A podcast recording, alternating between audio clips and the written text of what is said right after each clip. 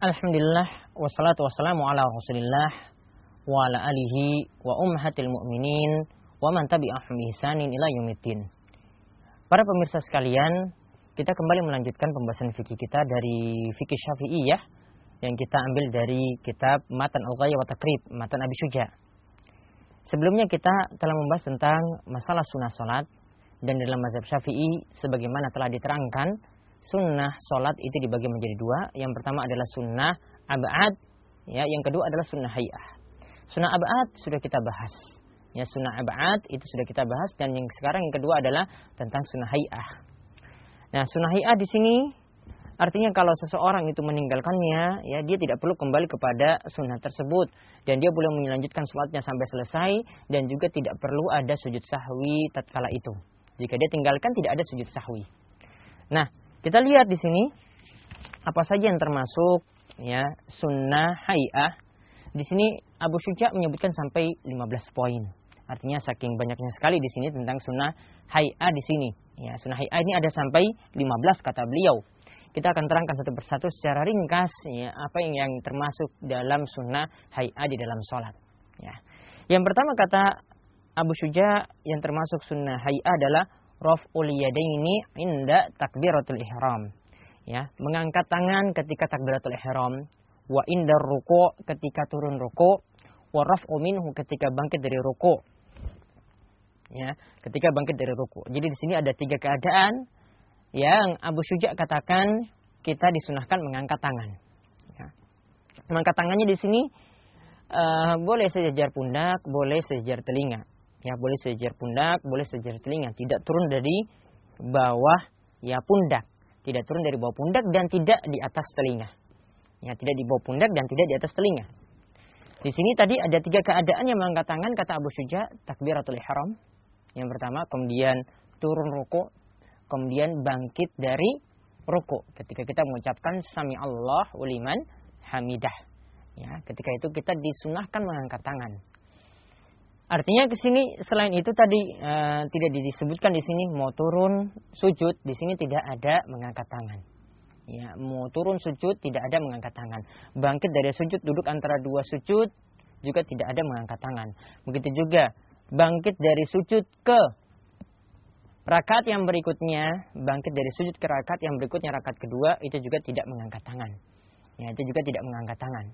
Ya, ini yang dimaksudkan dengan perkataan Abu Syuja di sini. Dia mengangkat tangan di sini disunahkan kapan? Ada tiga, yaitu takbiratul ihram, kemudian ketika mau turun ruku dan ketika bangkit dari ruku. Dan ini tambahkan lagi ketika bangkit dari tahiyat awal mau ke rakaat ketiga. Ketika itu juga disunahkan mengangkat tangan. Saat kita sudah selesai tahiyat awal, kemudian bangkit ke rakaat ketiga kita Allahu Akbar, kemudian mengangkat tangan, kemudian kita kembali sedekat. Nah, itu yang pertama. Kemudian yang berikutnya yang termasuk lagi sunnah hayah adalah wad'ul yamin ala shimal. Meletakkan tangan kanan di atas tangan kiri. Yaitu kapan? Saat kita sedekap. Ya, setelah kita tadi takbir, kemudian kita posisi dalam keadaan bersedekap, maka disunahkan tangan kanan itu di atas tangan kiri, tangan kiri yang di bawah, tangan kanan yang di atas. Nanti letaknya itu bisa seperti ini, ya cuma ditempelkan saja bisa digenggam tangan kirinya seperti ini. Ya bisa digenggam tangan kirinya seperti ini. Artinya dilakukan seperti itu. Nah kemudian yang berikut lagi, berikutnya lagi yang ketiga yang termasuk sunnah abad lagi adalah at-tawajjuh. Jadi masukkan dengan at-tawajjuh di sini adalah membaca doa istiftah. Yang membaca doa istiftah. Karena di antara dua istifta, kenapa di sini Abu Syuja menyebut dengan tawajuh? Karena di antara dua istifta itu dimulai dengan lafaz ya wajjahtu wajhiya lillazi fataras samawati wal arda hanifa wa ma ana minal musyrikin. Inna salati wa nusuki wa mahyaya wa mati lillahi rabbil alamin. La syarika lahu wa bidzalika umirtu wa ana awwalul muslimin wa ana minal muslimin. Ada lafaz doa istifta seperti itu.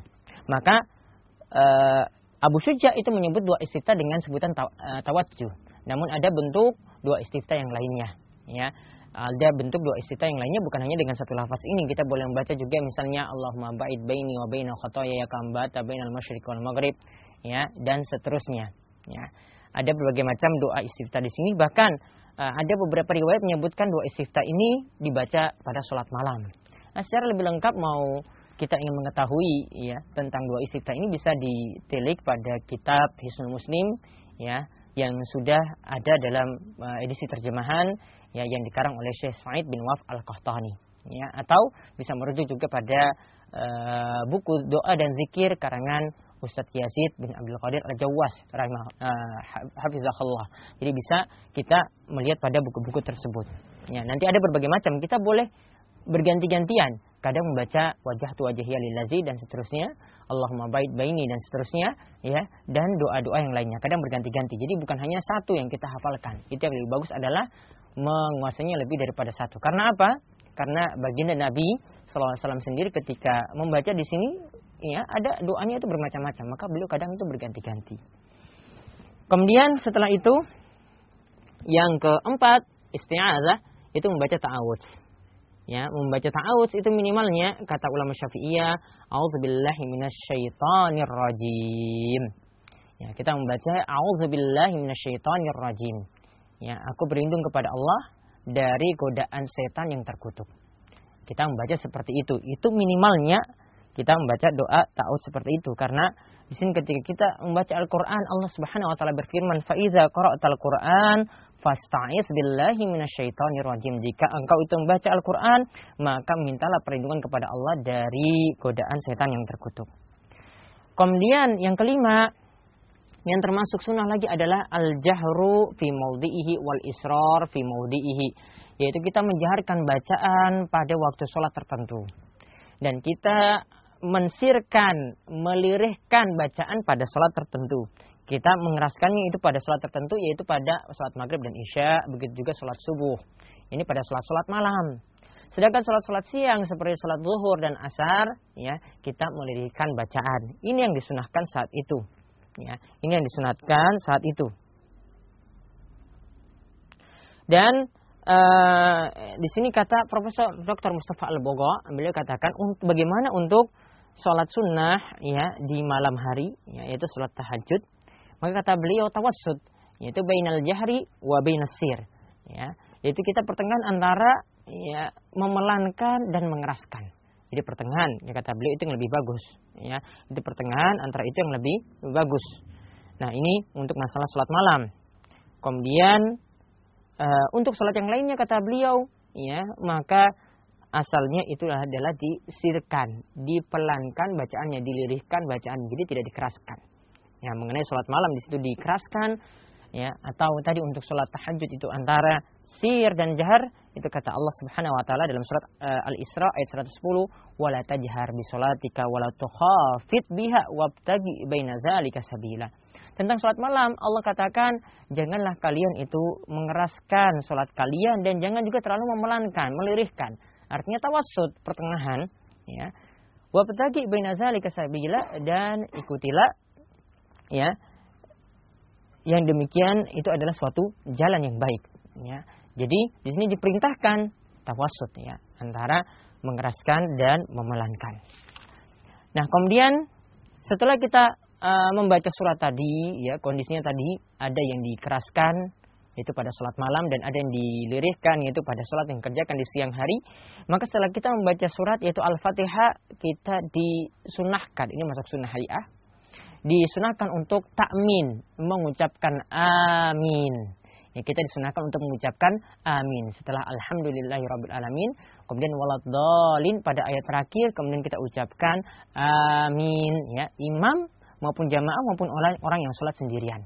Mengucapkan seperti itu Nah, kemudian termasuk sunnah lagi adalah ya wa atau surah ba'dal Fatihah, yaitu membaca surat yang lainnya setelah kita membaca surat Al-Fatihah. Ya. Jadi di sini pilihan ya, kita membaca surat apa pun setelah Al-Fatihah. Ya, namun Nabi SAW itu dalam surat subuh itu kadang membaca 60 sampai 100 ayat setelah Al-Fatihah. Nah, kemudian untuk sholat zuhur dan asar itu lebih pertengahan. Sholat maghrib itu lebih ringkas. Sholat isya lebih panjang daripada sholat maghrib. Ya, jadi surat setelah Al-Fatihah tadi di sini hukumnya sunnah. Nah, ini dulu yang kita bahas tentang sunnah hayah Ini bagian pertama karena tadi disebutkan oleh Abu Suja sampai 15 poin. Ya, insya Allah nanti pembahasan ya tentang sunnah abadi uh, sunnah hayah yang lainnya kita akan lanjutkan pada serial berikutnya. Wabillahi taufik wal hidayah. Wassalamualaikum warahmatullahi wabarakatuh.